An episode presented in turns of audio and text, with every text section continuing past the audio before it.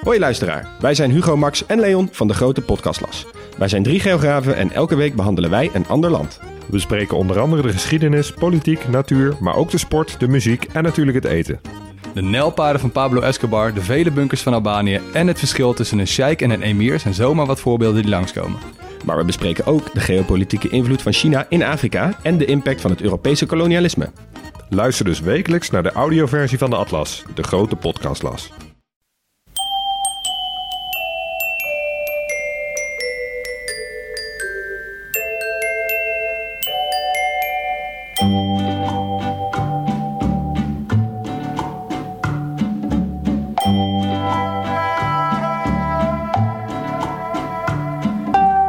Welkom bij aflevering 27 van de Echt Gebeurd podcast.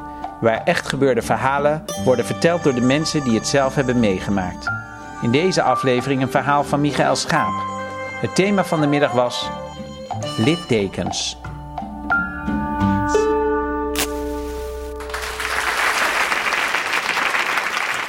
Nou, laat hem alvast maar even zien.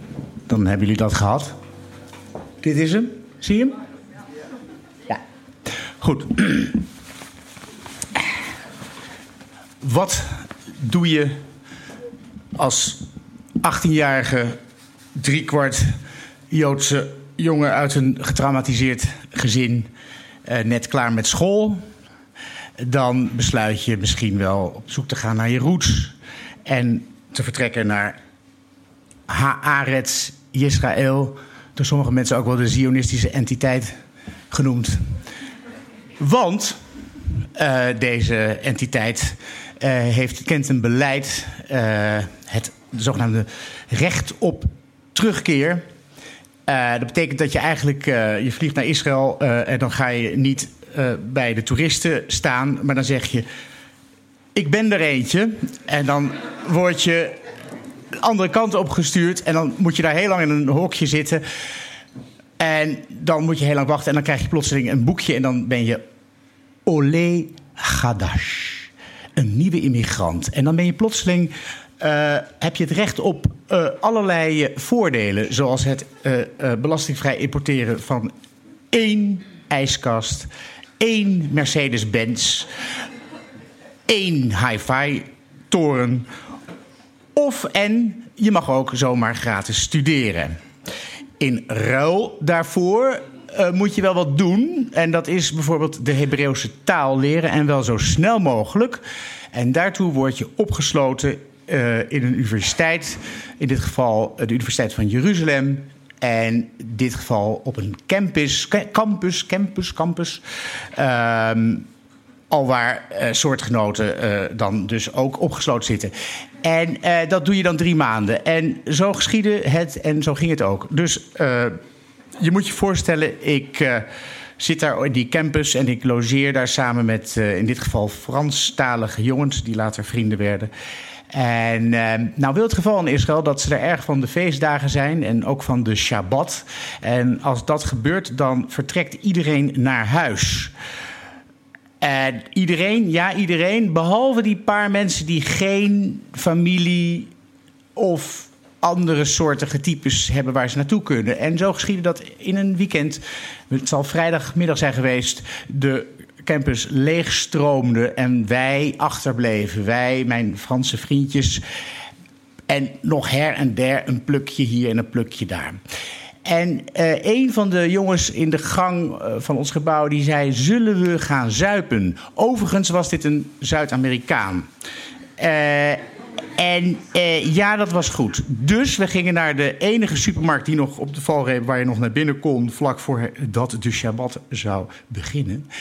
En nou wel wilde het geval dat er net inmiddels een enorme influx was van halve, hele, kwart en nep-Joden uit de Sovjet-Unie. En dus waren Israëlische supermarkten wel voorzien van allerhande soorten vodka. Wij en goedkope vodka. En uh, wij gingen inkopen. En dat ging echt zo van. Die, ja, die ook. Ja, die, oh, die is citroen. Dat is citroen, ja, ook. Uh, enfin, terug naar de campus. En uh, ja, Zuid-Amerikanen. Het groepje bleek eigenlijk te bestaan uit Zuid-Amerikanen. Twee Fransen en ondergetekende Nederlander. En Zuid-Amerikanen blijken, dat wist ik niet, een drinktraditie te hebben die zich kenmerkt als volgt. Men zit in een cirkel en in dit geval wordt één schroefdopje gevuld met drank.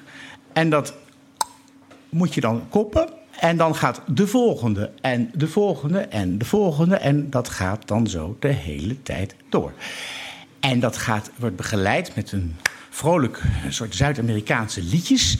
En uh, als je dan niet meer zoveel zin hebt, dan gaat het al heel snel van homo, homo. Althans, dat herinner ik me. Dit is inmiddels 25 jaar geleden. Ik was dus 18 toen. Homo, homo. Dus je begrijpt, dat ging flink rap. Uh, ik denk, we hebben later gerekend, na een uur uh, zat er in mij al een fles. Een hele fles. En op je achttiende, ik was toen nog wat dunner en zo, ja, dat, dat, dat, dat gaat behoorlijk werken. Dus wij besloten, volledig starnaken bezopen, dat het leuk idee was om te gaan douchen. Nou moet je weten, in, in, Israël heb je daar allemaal uh, zonnepanelen op het dak. Die zorgen voor heel veel gratis warm water. En dat is ook heel heet. Dus wat hebben we gedaan? Een grote douche, uh, ja. Dus daar hebben we alle douches opengezet. Zodat het flink begon te stomen. En het water dat stroomde zo over die vloer. En het was, nou, het was fantastisch. En we gingen, we kleden ons uit. En we waren, ik, we waren echt, nou ja, hè, zoals je bent als je een fles vodka op hebt. Uh, dat gaat helemaal zo. En we besloten dat het ook ontzettend gaaf was om te gaan surfen. Surfen op onze voeten. Dat kon immers, want er lag een prachtige film van water. En dat ging dan zo rennen, rennen, rennen door die gang. En dan zo wak. En dan wam. En zo ging ik. En zo vloog ik uit het raam.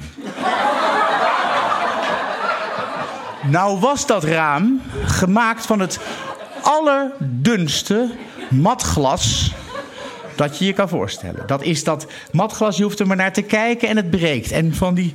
Enfin, ik hang uit dat raam. En ik val terug. En er was een bankje daar onder het raam. En ik zag uiteraard dat het mis was. Want een fontein van bloed ontsproot aan mijn bovenarm. Een echte klassieke slagadelijke bloeding. en ik voelde meteen het bloed zakken. Zakken. Zakken. En mijn twee Franse vriendjes zaten op de grond. En mijn bloed stroomde langzaam naar hun toe. Een grote plas. En het enige dat ze konden zeggen was: C'est pas vrai. C'est pas vrai. C'est pas vrai. Uh, iemand, ik zou bij God niet weten wie, is gaan rennen door die campus. Wie, oh wie, kon ons helpen? En God, Kodesh hoe heet hij bij de Joden, zal wel niet bestaan. Ik denk het niet. Maar in ieder geval, er was een student medicijnen. En die heeft mij waarschijnlijk het leven gered. Want die kwam er aan en die heeft heel snel die boel afge, afgebonden. Uh, uh, uh, enfin, in mijn herinnering word ik daarna wakker in een ambulance. en dat was niet prettig. Het schijnt na de hand dat ik dus die ambulance in zijn heel heb ondergekotst. Het volgende moment word ik wakker en ik en dan moet ik je iets vertellen. Ziekenhuizen in Israël, uh, dat is, dat, dat, daar, daar heerst eigenlijk permanent staat van oorlog. Dat gevoel heb je als je binnenkomt. Dat is chaos, dat is gekte, dat is herrie. Dat heeft niets te maken met een ziekenhuis hier. Uh, ik heb het dus nu wel over de eerste hulp, uh, de, of de ernstige afdelingen. Dat is, nou ja. Ik werd wakker in een uh, uh, helverlicht kamertje. Daar stond iemand meewarig te knikken. Ik voelde kloppen in mijn arm, heel veel geklop. En er staat een, plotseling komt er een man naar mij toe met een lief snorretje. En dat bleek een Colombiaanse arts. En die zei, wat heb je gedaan? Ik zei, nou, gedronken Zuid-Amerika. Ah, zegt never drink with South Americans. By the way, by the way, we probably have to. We moeten waarschijnlijk je arm eraf halen. En ik was te dronken om dat verder helemaal tot me door te laten. Ik dacht, nou ja, oké, wat moet, dat moet. En eh, eh, eh, niet veel later word ik dus door de gangen van dat ziekenhuis gereden. En dat herinner ik me nog heel goed. Het beeld dat ik toen zag. Je moet voorstellen, het is het beroemd ziekenhuis. Dat is wel belangrijk om te vermelden. Het Hadassa ziekenhuis. Dat heeft twee vestigingen. Ik was terechtgekomen in de ja, moet je zeggen, oudste vestiging. Het is overigens een heel oud ziekenhuis. En dat ziekenhuis, dat, daar is iedereen welkom. En in die tijd, het was overigens een maand voordat de eerste intifada begon. Maar in die tijd uh, mocht uh, de, de, iedereen daar natuurlijk naar binnen, trouwens nog steeds. Dus je moet voorstellen, het beeld is... je ziet Palestijnen met kefia. Je ziet Hasidische orthodoxe joden met pijpenkrullen en lange baarden. Je ziet totaal gestoorde figuren en alles maar door die gangen. En ik, en ik word in een operatiekamer gereden waar keihard Galeit Sahal, de lege radio, aanstond, die ook niet meer is uitgegaan. En uh, verschillende verpleegsters, artsen en mij werd al heel snel duidelijk gemaakt: wij gaan jou niet onder narcose krijgen, jongen. Daarvoor ben je iets te veel uh, in de olie.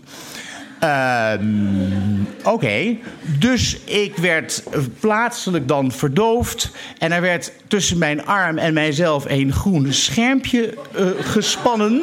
Zodat ik niet kon zien wat er allemaal plaatsvond. En ik was dus geheel wakker. En er liepen allerlei prachtige verpleegsters rond mij heen te drentelen. En overigens was ik inmiddels ook al poedelnaakt. En om dan toch een beetje in de sfeer te blijven. Ja, ik was poedelnaakt. En uh, men had mij een infuus gegeven, onder andere met, uh, ik neem aan, glucose of glucose. Uh, in ieder geval om zoveel mogelijk vocht door te spoelen. Hè, dat die alcohol moest eruit. En er zat een condoom op mijn piemel. En er zat een draadje aan. Dat draadje ging naar een zak. En ik werd geacht. Dus tijdens deze operatie te plassen. Nou, ik weet niet of u, hoe het u vergaat als u uh, ligt uh, met allerlei beeldschone verpleegsters om u heen en zo voort. Dat gaat niet zo goed.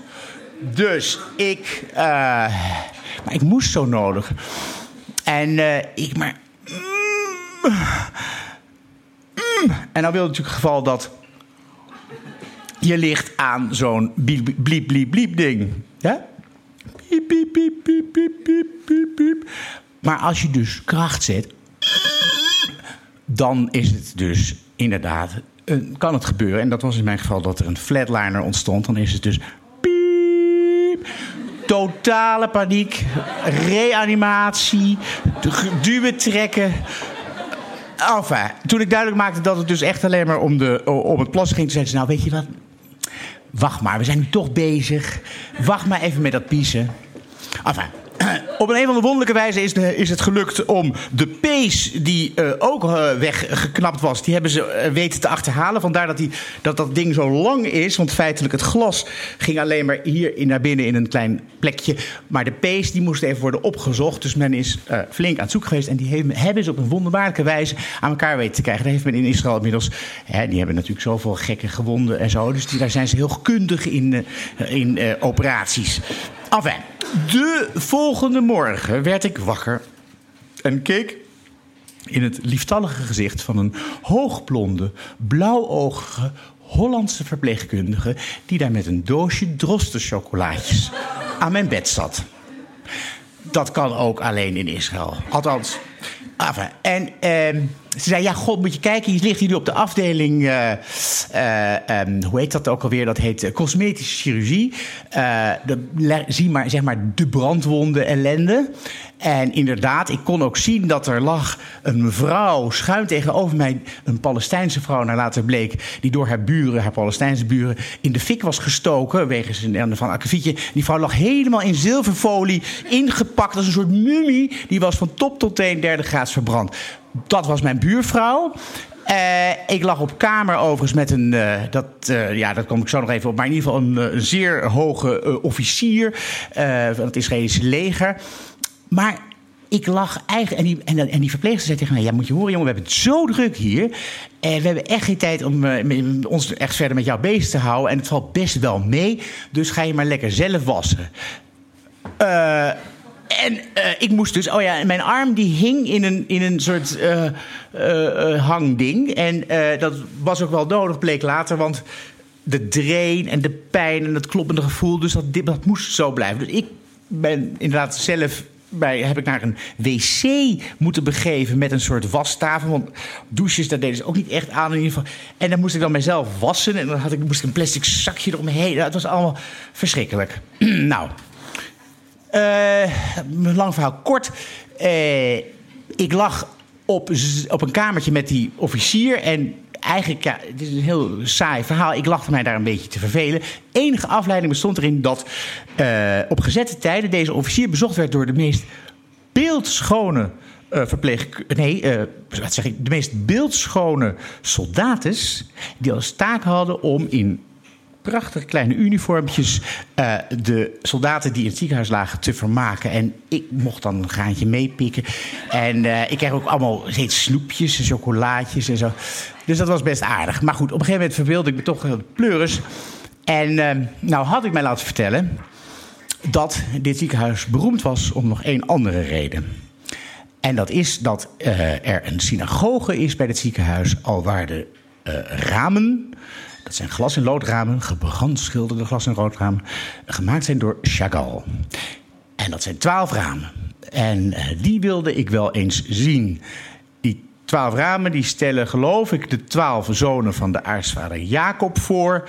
Eh zijn er ook de stamvaders van de twaalf stammen. Hoge symbolische waarde. En eh, ja, god, je bent op zoek naar je roots. Dus je denkt, god, weet je wat, ik ga eens kijken. Nou, zo geschiedde dat ik in gevangenispyjama, want zo leek het... eh, een soort streepjes pyjama, ongeschoren na een aantal dagen ziekenhuis, mij naar beneden begaf. Naar de synagoge. En ik liep. Eh, ik liep en ik liep en ik liep. Mijn arm in de lucht tegen het kloppen. En ehm, ik doe de deur open van de synagoge. En ik zie die ramen.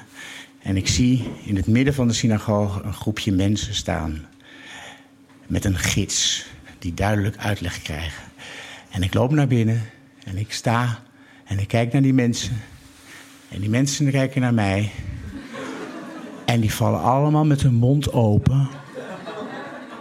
En dat bleek een groepje Duitse toeristen te zijn. En terwijl ik daar stond, beschenen door het prachtige licht van Chagall's ramen, de Hitler goed brengend met een linkerarm, voor de kijkers rechts, gehuld in een streepjespyjama, herinnerend aan lang vervlogen dagen, ongeschoren, besefte ik, misschien is dit wel wie ik ben.